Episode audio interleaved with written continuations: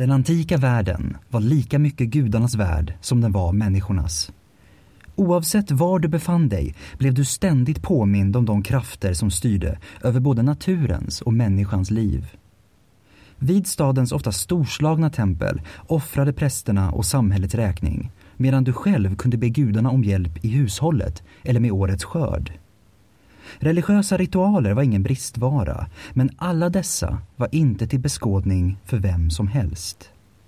I den antika världen fanns det riter som endast var öppna för dem som initierats och på ett högst personligt plan hängivit sig åt gudarna och deras allra hemligaste läror. Dessa hemliga riter kallades mysterier och de allra äldsta och mest vördade mysterierna var de som hölls i Elevsis. Så klappa soporna och kasta hamsten för nu kör vi.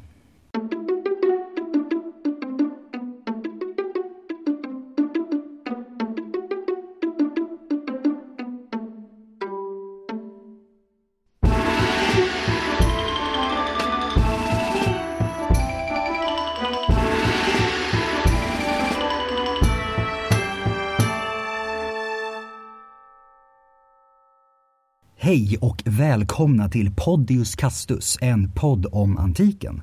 Jag heter Adam och detta minisnitt kommer att handla om de elevsinska mysterierna. Omkring två mil nordväst om Aten låg staden Elevsis.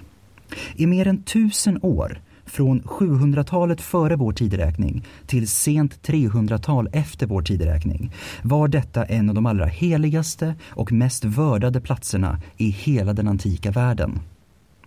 Varje höst vallfärdade tusentals människor hit för att hänge sig åt jordbruksgudinnan Demeter och hennes dotter Persefone och initieras i deras mysterier. Vårt ord mysterium är direkt hämtat från latinets ord för hemlig rit, som i sin tur är ett låneord från grekiskans mysterion med samma betydelse.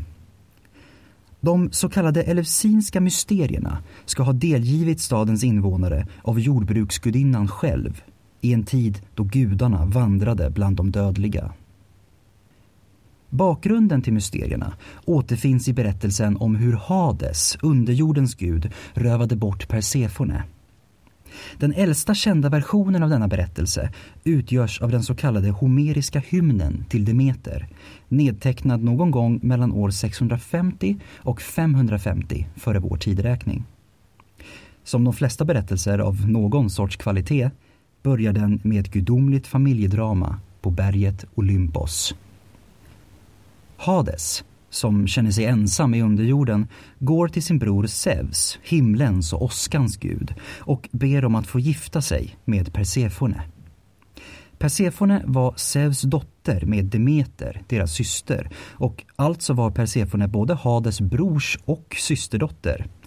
Och ni som trodde jag överdrev när jag sa familjedrama, Zeus ger Hades sin tillåtelse, men han gör så utan att först säga något till Demeter.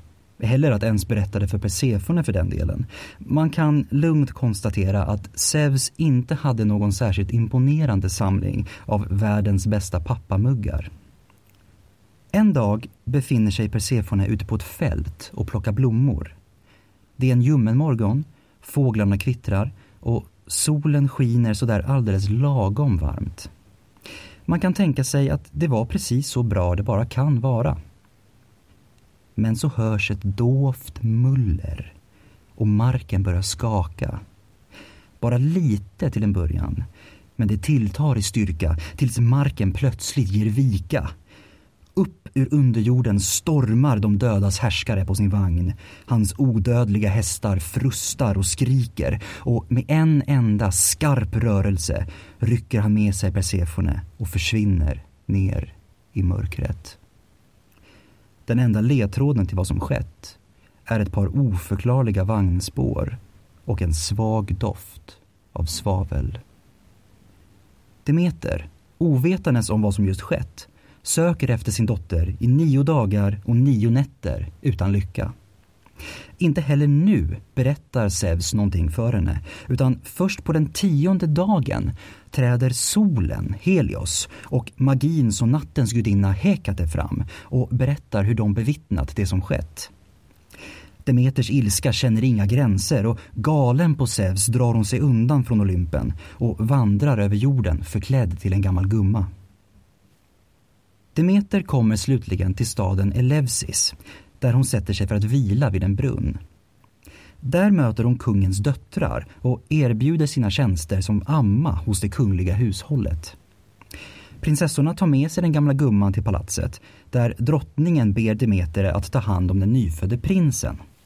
Men Demeter, i sin överväldigande sorg över att ha förlorat sin dotter, börjar istället att i hemlighet omvandla spädbarnet till en odödlig gud. Varje natt smörjer hon honom med ambrosia, gudarnas föda, och placerar honom sedan i en öppen eld.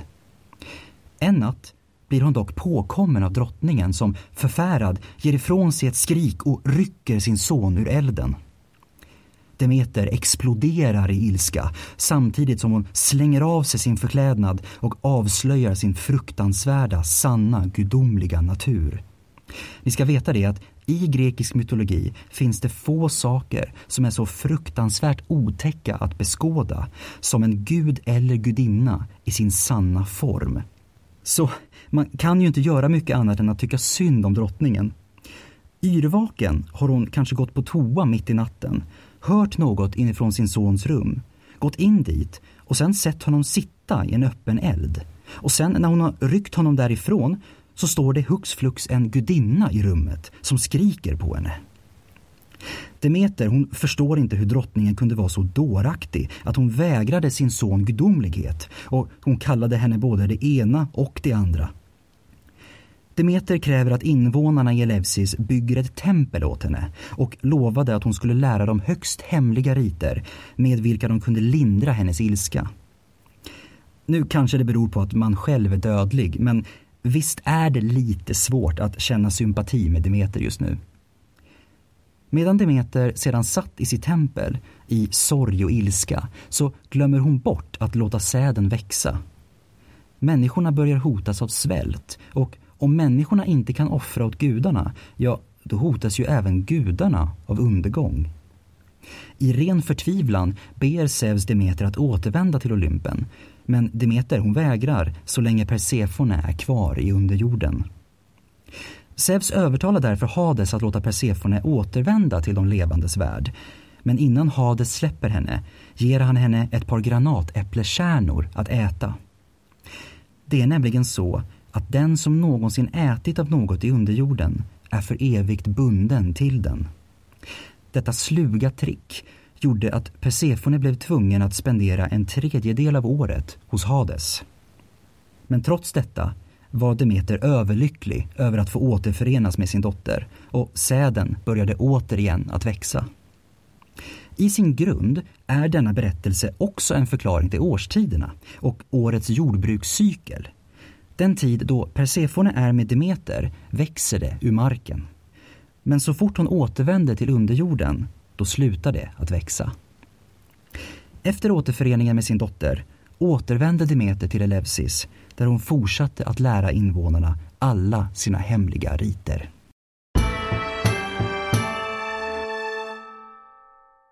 Det var gudarnas del i dramat, men hur blev det sedan för människorna? Vad var det för hemliga riter som Demeter lärt invånarna i Eleusis? Varje höst, i den attiska kalendermånaden Boidromion, som motsvarar slutet av september och början av oktober, utspelade sig mysterierna över totalt åtta dagar. Hela balletten inleddes genom att en procession rörde sig från Eleusis till Aten. Processionen bestod av präster och prästinnor som förde Demeters heliga föremål, Hiera, till staden. Atens gator och allmänna platser fylldes nu av personer som önskade följa med processionen tillbaka till Eleusis och initieras i Demeters mysterier. Alla som ville företa sig resan var dock först tvungna att genomgå diverse förberedande ritualer, bland annat att utföra specifika offer och att fasta. Särskilt en förberedande ritual sticker ut lite extra. Alla som ville initieras behövde offra en griskulting som en sorts reningsritual. Men detta behövde dock göras i havsvatten. Så En dag drog samtliga berörda ner till havet med sina små kultingar. Kan ni tänka er hur ljudkulissen måste ha varit? Så vitt jag vet är inte direkt griskultingar de lugnaste av varelser. Särskilt inte när de blir burna och i hundratals, kanske tusentals dessutom. Och, hörni, vad hände om man tappade sin kulting? Var det bara att jaga ikapp den eller fick man en ny? Eller var det bara att ge upp? Lite jobbigt om ens hopp om att ta del av Demeters mysterier hängde på hur väl man kunde hålla fast i en liten griskulting. Men när så ett par dagar förflutit och alla var själsligt renade och redo, då var det dags att snöra på sig vandringssandalerna. Den här gången var det två processioner som begav sig iväg. En med prästerna och prästinnorna som förde tillbaka de heliga föremålen och dagen därpå en med dem som ville initieras. Resan längs den så kallade heliga vägen som löpte mellan Aten och Eleusis varade i strax över 20 långa kilometer. En resa som ju dessutom gjordes på fastande mage. Efter ett par timmar, som måste ha känts ganska så långa, nådde de äntligen fram till Eleusis, där man firade sin ankomst genom att dansa vid samma brunn som Demeter ska ha vilat vid. Men hur såg då den så betydelsefulla helgedomen i Eleusis ut? Vad var det för sorts tempel som Demeter ville ha byggt åt sig? Ja, till att börja med kan vi konstatera att helgedomen i Eleusis inte direkt följde standarden för helgedomar i det antika Grekland. Det fanns faktiskt inget egentligt tempel, så som ett Parthenon, där det fanns en kultstaty över guden eller gudinnan samt ett separat altare. Istället var helgedomens fokus en gigantisk och nästan kvadratisk hall, på insidan fylld av kolonner, en så kallad hypostylhall. Längs med sidorna löpte rader med trappsteg, vilket gjorde att hallen påminde mer om en inomhusteater än om någonting annat. Den här hallen kallades för telesterion och telete det var ett annat ord för mysterium, vilket gjorde att byggnaden kort och gott hette Mysteriernas hall. Visst är det härligt med självförklarande namn? Som mest kunde upp till 3000 personer få plats på trappstegen inuti Telesterion. 3000 av Greklands främsta bärare av griskultingar. Men hörni, nu står ju de här 3000 personerna utanför helgedomen och nästintill spricker av förväntan. Och de behövde faktiskt inte vänta särskilt länge. Första natten efter deras ankomst, det var nämligen mysteriernas natt.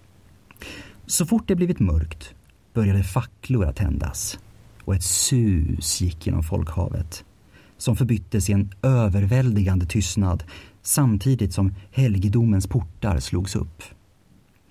En klar röst kallade på dem och de började så sakta att röra sig in i det okända. Men där tar det stopp för oss. Eftervärlden blev aldrig initierad. En bitter sanning är att vi faktiskt knappt vet någonting alls om vad som faktiskt försiggick den där natten inuti helgedomen. Det stora problemet är ju självklart att ingenting fick avslöjas för de som inte initierats under hot om dödsstraff enligt atensk lag. Det finns därför ingen enhetlig beskrivning av mysterierna och det finns faktiskt knappt ens delar av en beskrivning. Om det är till någon tröst så var faktiskt antikens människor precis lika nyfikna på det här som vi är idag. Det finns ett par spridda kommentarer hos en del författare som kan ge en väldigt övergripande idé om det hela. Till exempel så ska mysterierna ha utgjorts av tre huvudsakliga delar. Saker som gjordes, saker som visades och saker som sades. Särskilt den andra delen, saker som visades, verkar ha varit särskilt viktig och om det är något antika författare trycker på är det hur lyckligt lottade de initierade är som har sett mysterierna. Översteprästen i Elevsis han kallades för Hierofanten, vilket grovt översatt betyder han som visade de heliga föremålen och då alltså samma heliga föremål som förts fram och tillbaka mellan Elevsis och Aten. Vad de heliga föremålen var har vi såklart inte heller den plekaste aning om. Annat än att de inte kan ha varit särskilt stora. De fick nämligen plats i en ask när de bars till Aten av prästinnorna i processionen. Kommer ni förresten ihåg hur telesterion såg ut på insidan? Lite som en teater va?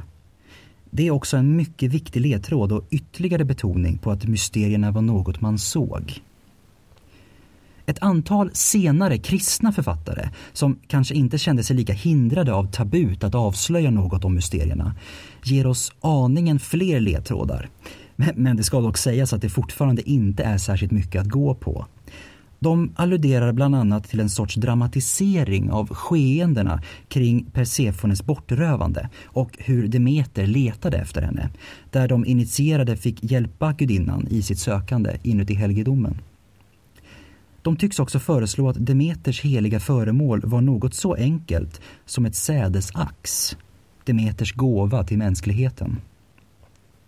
När så hela spektaklet var över så dukades det upp till festernas fest ute på fälten med mat, dryck och dans till solen gick upp. Men då till den kanske viktigaste frågan av dem alla. Varför valde man att genomgå allt det här? Vad fick man ut av mysterierna? Det finns spridda kommentarer hos antika källor som ger oss en ledtråd till varför man valde att genomgå mysterierna.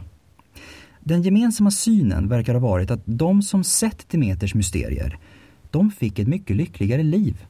Och de fick också en mycket lyckligare tillvaro i efterlivet. Oavsett vad som skedde, vad som visades, vad som sades den där natten, måste det alltså ha gjort ett väldigt stort intryck och satt mycket djupa spår. En upplevelse för livet, varken mer eller mindre.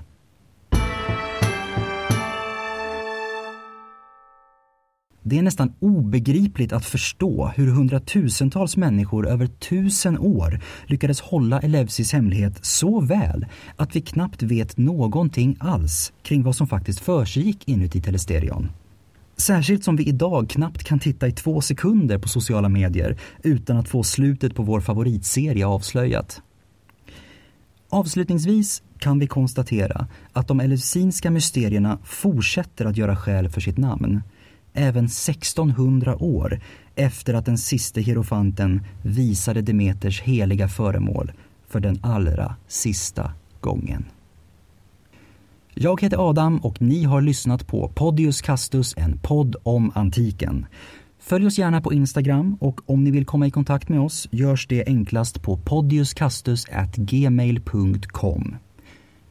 Tack för mig och på återhörande.